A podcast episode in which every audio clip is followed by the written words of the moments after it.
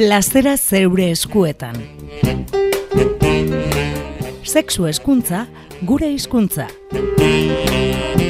Sarlingo, Euskal Herriko sexu eziketa eskolaren eskutik.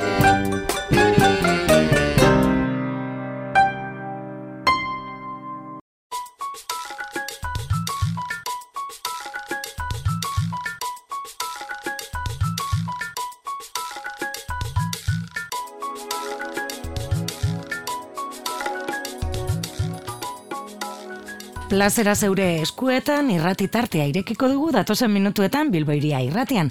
Sexologiari ate bat irekitzen diogu.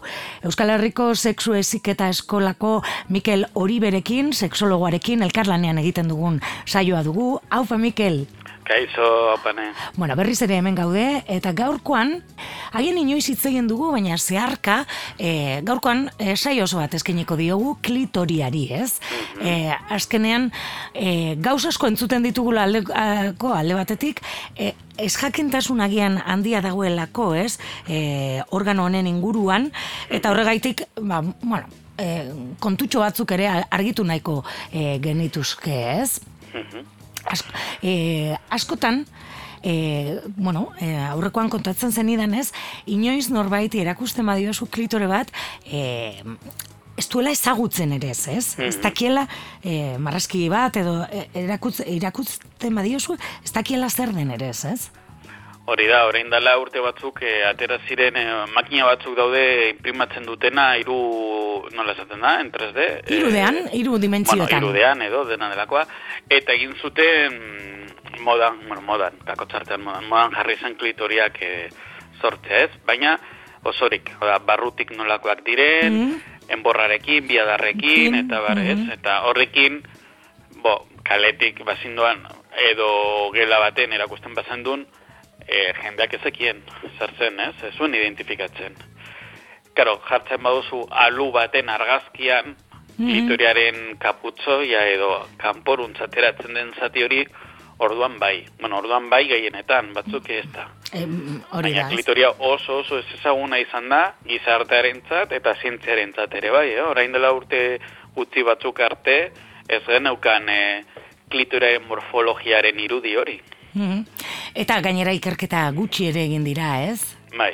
Mm Oroare ikerketa zientifikoak, medikoak e, gizonekin egiten dira, lehen beti bakar gizonekin, eta orain jarraitzen dugu batez ere gizonekin e, zintze egiten, e, eta inkluso emakumeak, iker, ikerlariak emakumeak direna, direna nere bai, gizonekin egiten dute, oza, kuriosoa. Mm Eta emakumeen, emakumeekin egiten den ikerketa bakarra zuzenen emakumeekin da, ba, ordunaldiak e, e, e, ikertzen direnean. Mm -hmm. inguruko gauzak, ez? Ba, nola ekiditu, edo nola bultzatu, edo dena delakoa. Mea, ikerketa biologiko eta medikuntza ikerketa orokorrak, bat ez ere gizonekin egiten da. Mm Eta, klaro, orain arte, klitoriak ez, ez aukan garrantziarik e, zientzia munduan. Mm. Eta horren ondorioz, ba, jarraitzen du izaten nahiko ez ezaguna bai. Mm.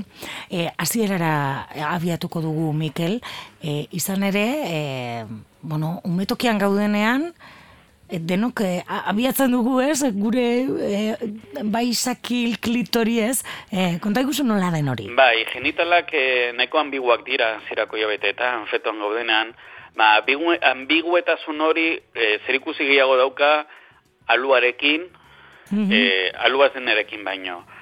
Eta adibide batzu jarriko izkizu, eta adibidez, em, azieran guztiok, daukagu ditugu Espain, barruko Espainiak eta kanpoko Espainiak, mm -hmm. ez? Azo, azieran guztiok daukagu bagina, ba, edo bagina zula bintzat, azieran guztiok e, ditugu e, gonada batzuk obulategia, e, obulategien antzagiago dutenak, eta barez, hau da, Ezan genezake bilogikoki gure sustraia edo gure abia puntua e, emea dela. Kako txartea hau, eh? Mm -hmm. Ze teknikoki ez da emea esarra, baina da, eso zer ambigua, baina zer ikusi gehiago dauka emearekin. Antza bai? gehiago dauka emearekin, esango dugu, ez? Hori da. Mm -hmm. Adibidez, hilabete batzuk, fetoak hilabete batzuk dituenean, ba, azten da transformazio bat, adibidez. Em, barruko Espainiak eta kanpoko Espainiak lotu egiten dira, fusionatu egiten da, eta gure eskrotoa sortzen da, gure amutiena, edo. Mm -hmm. Horregaiti daukagu e, barrabin artean, beko aldean, ba, zikatrizantzeko bat, ez? Zauri bat zendatu izan balitz bezala uh -huh. zer, mm bai? Zuen e, ogulategiak gure e, barrabiak bihurtzen dira, mm -hmm. hau da, jaitz egiten dira beruntz, eta eskrotoan jartzen dira. Bai. E, klitoria, ba, da haunditzen, eta klitoriak barrutik ditu bi adarrantzeko, ez? E, klitoria da barrutik ube invertida bat bai. antzeko zeo zer. Mm Ba, hoiek adar biak batu egiten dira, elkartu egiten dira, harrapatzen dute uretra, eta ateratzen da kanporuntz. Eta hori da gure zakila, ez? Baina kurioso da, oso kurioso da ikusten nola helduak eta ikasleek eh, esaten dute klitoria dela zakiltziki bat hemen begirada androzentrikoa mantentzen jarritzen dugu, ez? Mm -hmm. Ba, teknikoki klitoria ez da zakiltziki bat. Teknikoki zakila klitori handi bat da. Bai, ez berdin, eh, diferen, eh, alderantziz litzateke, ez? Jatorriz klitoria da. Mm Adibidez, eh, genitalak intersexualitataren ondorioz, mm genitalak dituztenak horrela, ba, posible izango itzateke izatea, sakia eta vagina, bai, baina ez dana posible da izatea dira sakia eta klitoria, ze organu berdina da. Mm -hmm. Kako tartean. Bai, bai. Hau da, neurriaren arabera, ba, esan genezake gauza bat, edo bestea dela. Bai, ba, beste gauza bat, adiez, ba, klitoria oso oso oso sensibla da, bai. kaputzoia, kanpoan dagoenak sensibilitate izugarria handia dauka, mm ze hor nervio kopuru, kopuru bat dago leku txiki batean, ez? Hori zakil bihurtzen hasten denean, nervio kupurua mantendu egiten da, baina zenbat eta gehiago onditu zakia, nervio horiek sakabanatzen dira, ja, beraz, de, sensibilitatearen, oza, sensibilit, eh, dentsitatea jaitze egiten da. Mm Beraz, zenbat eta ondiago zakia, insensibleagoa da, ez? Mm Eta hemen, gizarte honetan, gizarte matista honetan, ba, oso arro gaude, ez? E, norbaitek mutin batek zakila hundia baldin badu, ba... Zakiaren, e, tamainaren ba, inguruan ere hitz egin izan dugu, ez? Eta hori da, fisiologikoki, ba, justu, ez da abantaia bat. Zenbat eta hundiago izan, sensibilitate gutxiago izango du, eta gainera, e, erekzioa mantentzeko arazo gehiago, eta bar, eta bar, eta bar. Bueno, horiek e, bueno, ba, klitorianean inguruan, baina baita ere klitori e, emakume eta e, bueno, antisorgailuak esaterako, ez? Efizienteagoak izango liratzeke e, e, gizonezkoentzat e, e, izango balira, ez? Ezke teknologia badago horretarako, mm eta bai oso efizienteak izan daitezke gizonentzako antisorgailuak ere bai. Baina adibidez, em, efekto sekundario bat izan daiteke, e, desira erotikoan murrizpen, mur, e, murrizketa bat. Eta e, marketinga zenkargatzen direnak, ba, saltzea zenkargatzen direnak, medikamentuak saltzea zenkargatzen direnak, badakite e, ez dutela ezer salduko edo zer guti salduko hori gertatzen baldin bada. Beraz, jarraitzen dute, ba, mm -hmm. emakume, emakumentzako medikuntz, e, medikamentuak sortzen, aurdunaldiak adibidez ekiditzeko. Ez? Mm Bueno, e, ez dakite, ez dakite. Ez hau da, betiko, betiko matxismoa medizinan. Mm Osa, mutiak jaso genezake medikamentu bat e, oso efizientea dena, baina ez dugu nahi izango, ba, gure privilegioetariko bat ez dugulako landu nahi. Mm Eta bestetik ere, e, klitoria, aldi, ez dakit, alboratu denitza, ez? E, ez talako ugalketarako organua, ez? E? Ez, prinsipioz ez, ez da dago batzuk izaten dute balio duela, bultzatzen duela, edo mhm. laguntzen duela, baina egia zan klitoriaren helburua eta klitoriak, e, klitoria dago gozamena lortzeko. Mm e, aurdina, aurdunaldia hobetu dezaken edo errestu dezaken edo nire ustez ez, baina bueno, berdin zaitz, ezken finan funtza eta importanteena gozamena da. Mm Orain arte, esaten duanean orain arte, dinot orain dala mende batzuk arte, inori ezitzaiona sola zer zen klitoria eta inork ezekin zer zen klitoria eta mm -hmm. izaten zirenean beti ziren aurrak izateko eta inork zuen pentsatzen emakumeen gozamenean, eta aurdun geratzen ziren. Mhm. Beraz, gozamenak ez du zertan aurdunaldiarekin harremanduta egon behar. Mhm. Bai, de hecho, em, gizakien emakumeen klitoria da, mm abre guztietatik bakarra, evoluzionatu duena, eta atera dena vaginatik. Hau da, beste emeak, ugaztunak diren emeak, mm dute klitoria antzeko zehozer, asko zere simpleagoa dena, vaginaren barrukaldean. Ah, Eta gainera dute, eh, ez dakit euskeraz nola esatena, zelo, ahora, exitatzen direnean, eh, tokatzen zaienean katuak bezala, txakurrak bai, bezala. txakurrak bezala, eta orduan, sasoi hori, e, bai. Emakume kaldiz ez, ez daukazue. Mm Evoluzioaren ondorioz, migratu egin du, mm klitori em, antzeko gauza horrek, at, gauza hori atera egin zan baginatik, eta kokatu egin da kanpoaldean mm eta nahiko urrun. Eta garatu da asko zer gehiago. Eta zeloa, ez dakit nola ditzen den, Bari, exitatzeko gaitasuna zuek beti daukazu nahi duzuenean.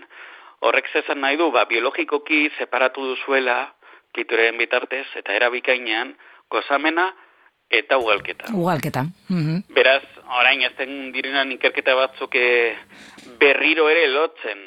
Klitoria ugalketarekin ez dakinik zer dan lortu nahi duten, azera atzera joan edo intentzioa hona da, baina klitoria da gozamenerako eta listo. Horregaitik agian, e, bueno, ba, vaginatik banatuta dagoenez, horregaitik ba, mito asko daude, ez? Eta horregaitik, e, bueno, ba, urteetan ez da pena zitzegin ere, ez? Hori da. Bai, eta em, Aibidez, e, ikaslasko kaldetzen diate, eta punto G hori, punto G, o punto G gora, punto G bera.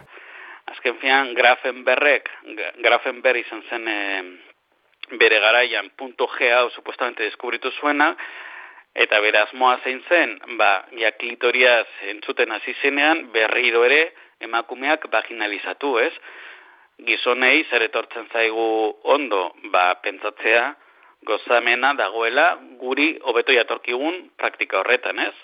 Hobeto gokitzen den praktikan. Klitorian baldin badago, badirudi ez dutela behar emakumeak e, gizonak goza, gozamena lortzeko, eta hori egia da, ez? Mm Eta Grafenbergi ez zitzaion hori gustatu, eta orduan esan zuen, ba, baginaren barrukaldean ezakit goiko paretan, atxamarrarekin zakatzen baduzu, leku sensible badagoela, ezakit, hori da berriro ere vaginalizatzea mm emakume bat. Mm Egia da, egia da, zeharka, estimulatu daitekela vaginaren bitartez klitoria, barrutik, e, klitoreen adarrak. Mm Baina estimulaziorik eta efizienteena zuzena da, mhm. kanpotik egiten dena kaputzoian. Mm Bai, edo txamarrekin, edo mingainarekin, edo dena delakoarekin. Beraz, berriro bilatzea, zakiarekin bajina barruan lortu dezakedan zeo zer, zeharka, klitorian barrutik, eh, ez, atera zakia, eta landu mingainarekin eskuekin, mhm. klitoria. Bueno, oso horreki geratu zaigu, ez? Baina, bueno, baita ere, gai hau ekarri nahi, en nahi genuen, ez? E, azkene, e, azkenean gutxitan hitz egiten e, delako, eta inoiz agian aipatu dugu klitoria e, ba, saio honetan, baina ez diogu eskeni e, saio, saio oso bat, ez? Bueno, ba, gaur, gaurkoan ere, mito batzuk, eta, e, bueno, ba, kontu batzuk agian ez, ez dakizkigunak, e, e, bueno, bargitu ditugu e, saio honetan, plazera zeure eskuetan, e, Euskal Herriko sexu eskuntza eskolarekin e, elkarlanean egiten dugun saio honetan.